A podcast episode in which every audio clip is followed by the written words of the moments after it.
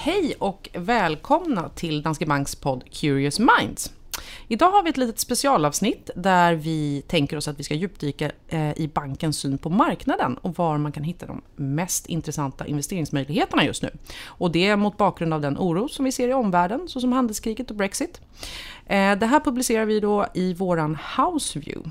Och med oss har vi då Maria Landeborn, seniorstrateg och ansvarig för Houseview i Sverige.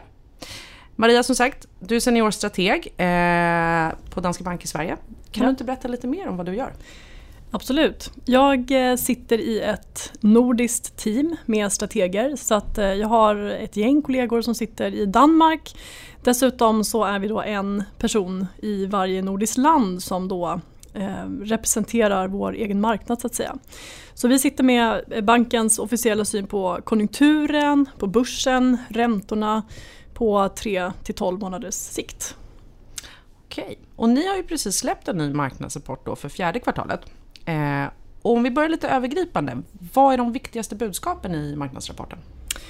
Det är att osäkerheten sällan varit så pass hög som den är nu på grund av handelskriget som Donald Trump har startat och annan politisk risk som härrör till Brexit till exempel, protester i Hongkong, konflikter i Mellanöstern med mera. Med mera.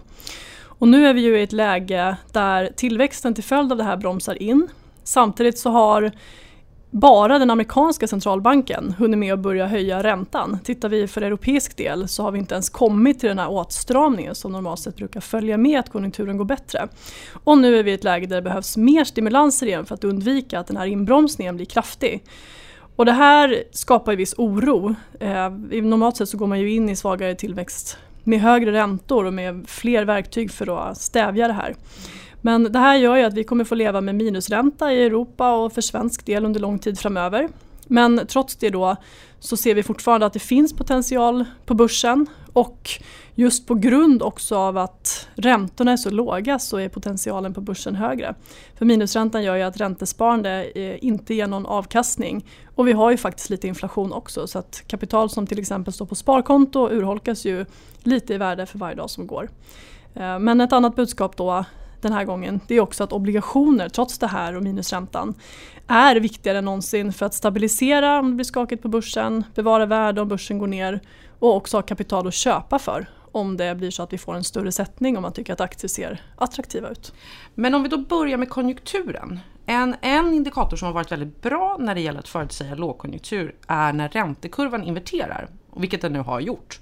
Eh, och det har skrivits en hel del om det här i media och det har orsakat börsoro just på grund av att det brukar föregå en lågkonjunktur. Men kan du berätta lite mer, vad är en inverterad räntekurva och är det verkligen en lågkonjunktur på väg? Ja, vi börjar med räntekurvan då. Och då kan man ju säga att normalt sett så brukar ju långa räntor vara högre än korta räntor. Och som exempel brukar jag ta hur det ser ut med räntan på ett bolån eller i alla fall hur det har brukat se ut historiskt med räntan på bolån. I normalläge då, då är det ju billigast oftast att välja en rörlig ränta och binder du på två år så är det lite dyrare, fem år dyrare. Binder du på sju, tio år då är den betydligt högre. Och då säger man att den här räntekurvan lutar uppåt. Men när marknaden börjar ana oråd, tycker att framtiden kanske ser mörkare ut än nuläget, då börjar de här långa räntorna att sjunka samtidigt som de korta ja, mer eller mindre ligger kvar. Så skillnaden blir mindre. Och så småningom då så kommer man till ett läge där den här långa tioårsräntan faktiskt blir lägre än den korta tvåårsräntan. Och då börjar man säga att kurvan då lutar neråt istället för uppåt och då har den inverterat. Så det är det som är en inverterad räntekurva.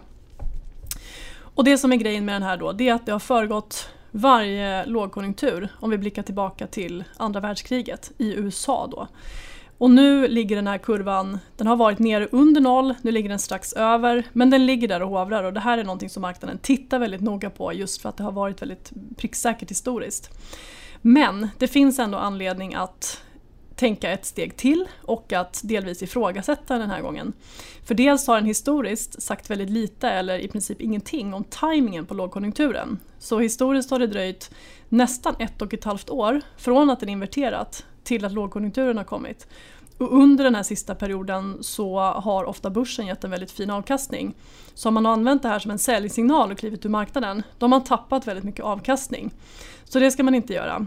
Och eh, Sen finns det också en annan anledning att ta det här med en nypa salt den här gången.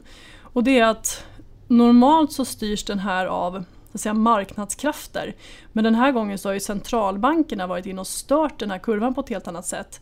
Med ultralåga räntor och framförallt med obligationsköpen som man har gjort som har syftat till att just trycka ner de här långa räntorna till låga nivåer. Och det har gjort att den här skillnaden mellan korta och långa räntor utjämnats.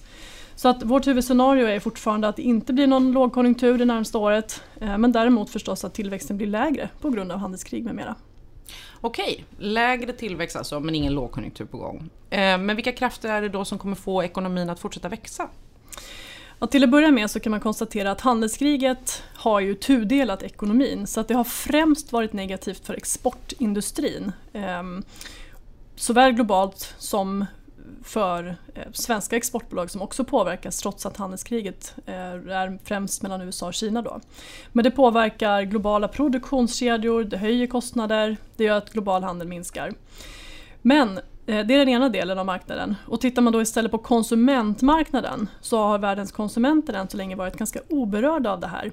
Sentimentet är fortfarande på höga nivåer eh, och det beror på att arbetsmarknaderna är starka. Vi har en väldigt låg arbetslöshet och tittar vi på USA så är den ungefär 3,7 procent.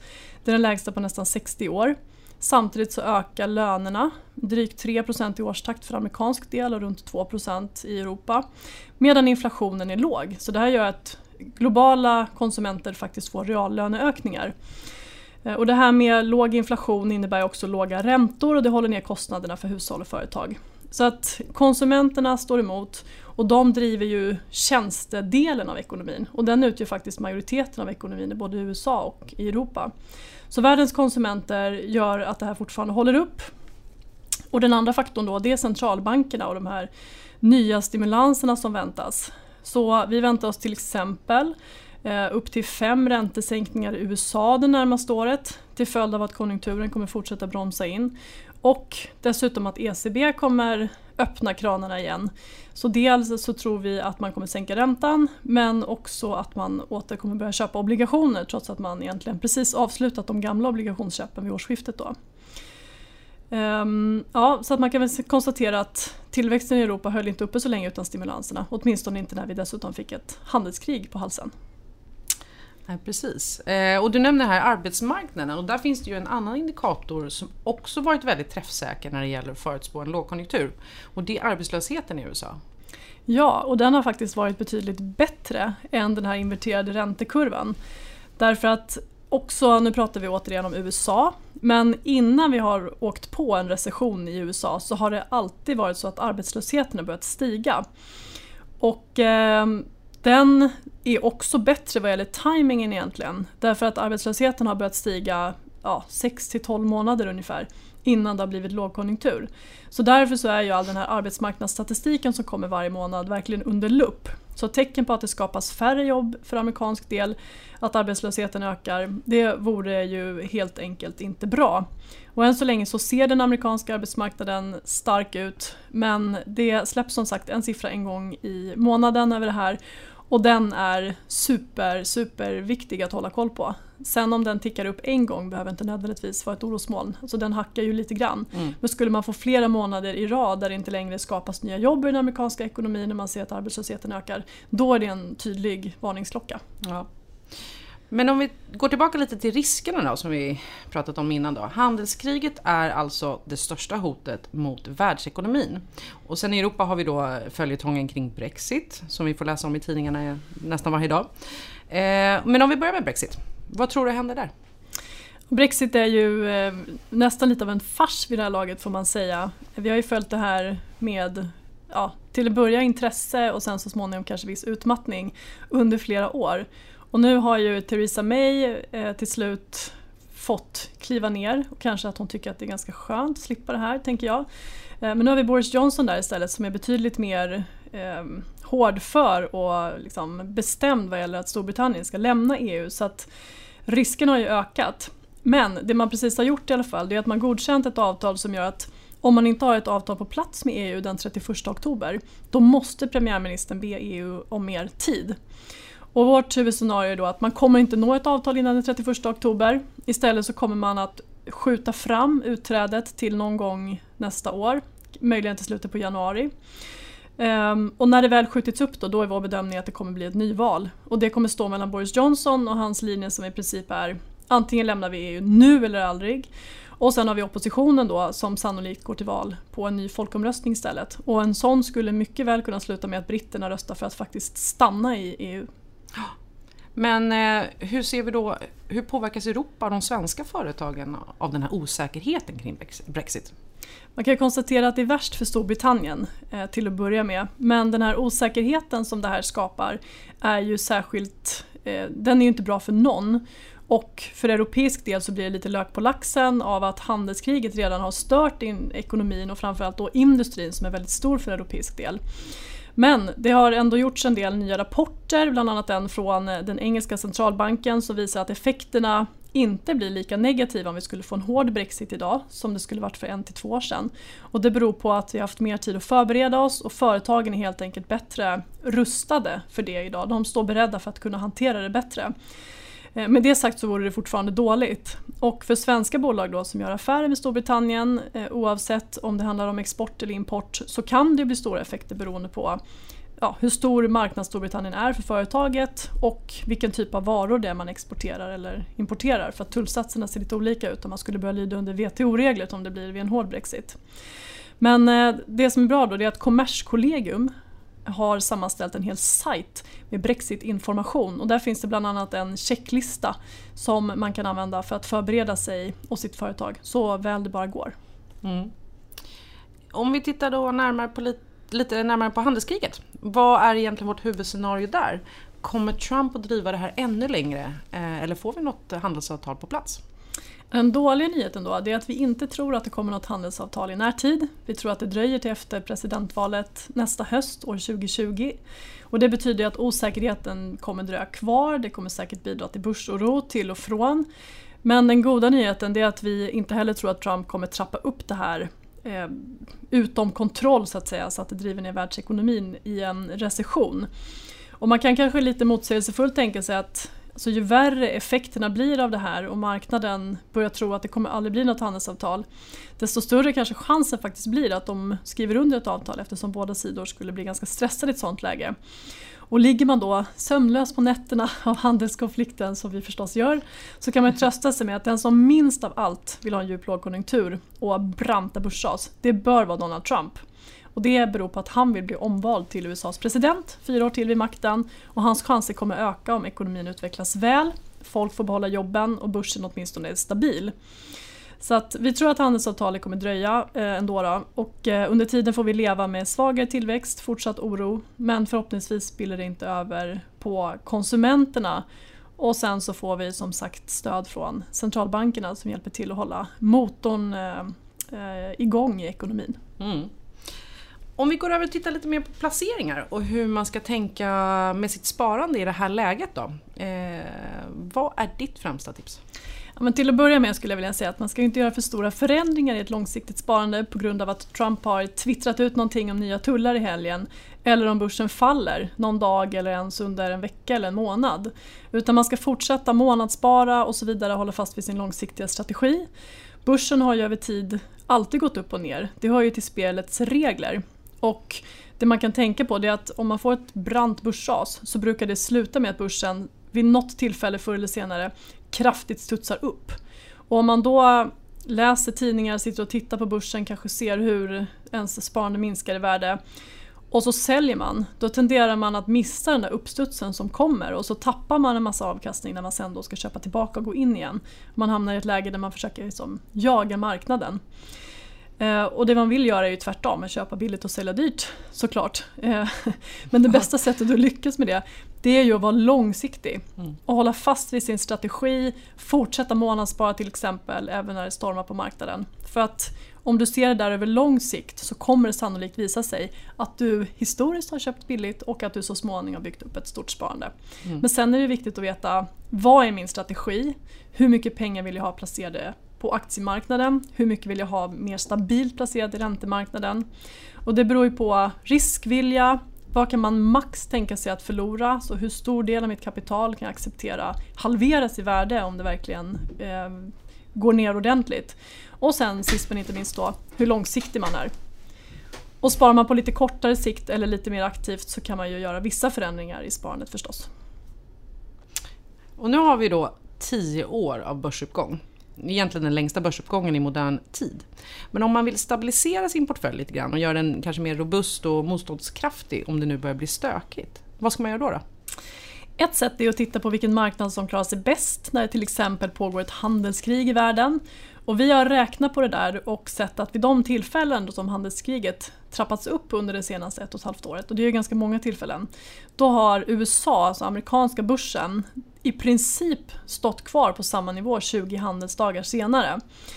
Kina då tar mest stryk, står 4-5% lägre en månad senare medan Europa tappar ja, i runda slängar 0,7% per gång. Och med det kan man ju konstatera att USA står emot bäst. Det beror dels på att amerikanska ekonomin är relativt stark jämfört med andra och Kina påverkas mer. Eh, och USA är då mer exponerad mot inhemska konsumenter som vi ju sagt har det bra, och mindre mot global handel och export. Och Kina då å sin sida är beroende av export, att världshandeln fungerar med så lite friktion och tullar som möjligt. Men så att ett sätt då är ju att fokusera lite mer på USA. Man kan också titta mer på defensiva sektorer. Dit hör till exempel hälsovård, eh, teleoperatörer, kraftförsörjning, vilket alltså är elektricitet i olika former, som kan vara en av de kanske mest defensiva sektorer som finns med stabila kassaflöden, höga utdelningar och så vidare. Sen kan man ju minska exponeringen lite mot industrin, exportindustrin. Den är ju mer konjunkturstyrd, drabbas hårt om marknaden blir rädd. Ehm, man kan också titta på egenskaper som brukar premieras när det är stökigt på börsen. Och då handlar det till exempel om starka kassaflöden, det handlar om att ha en balansräkning som är stark och inte för hög skuldsättning. Ehm, tillväxt som inte är så beroende av konjunkturen och sen då höga stabila utdelningar.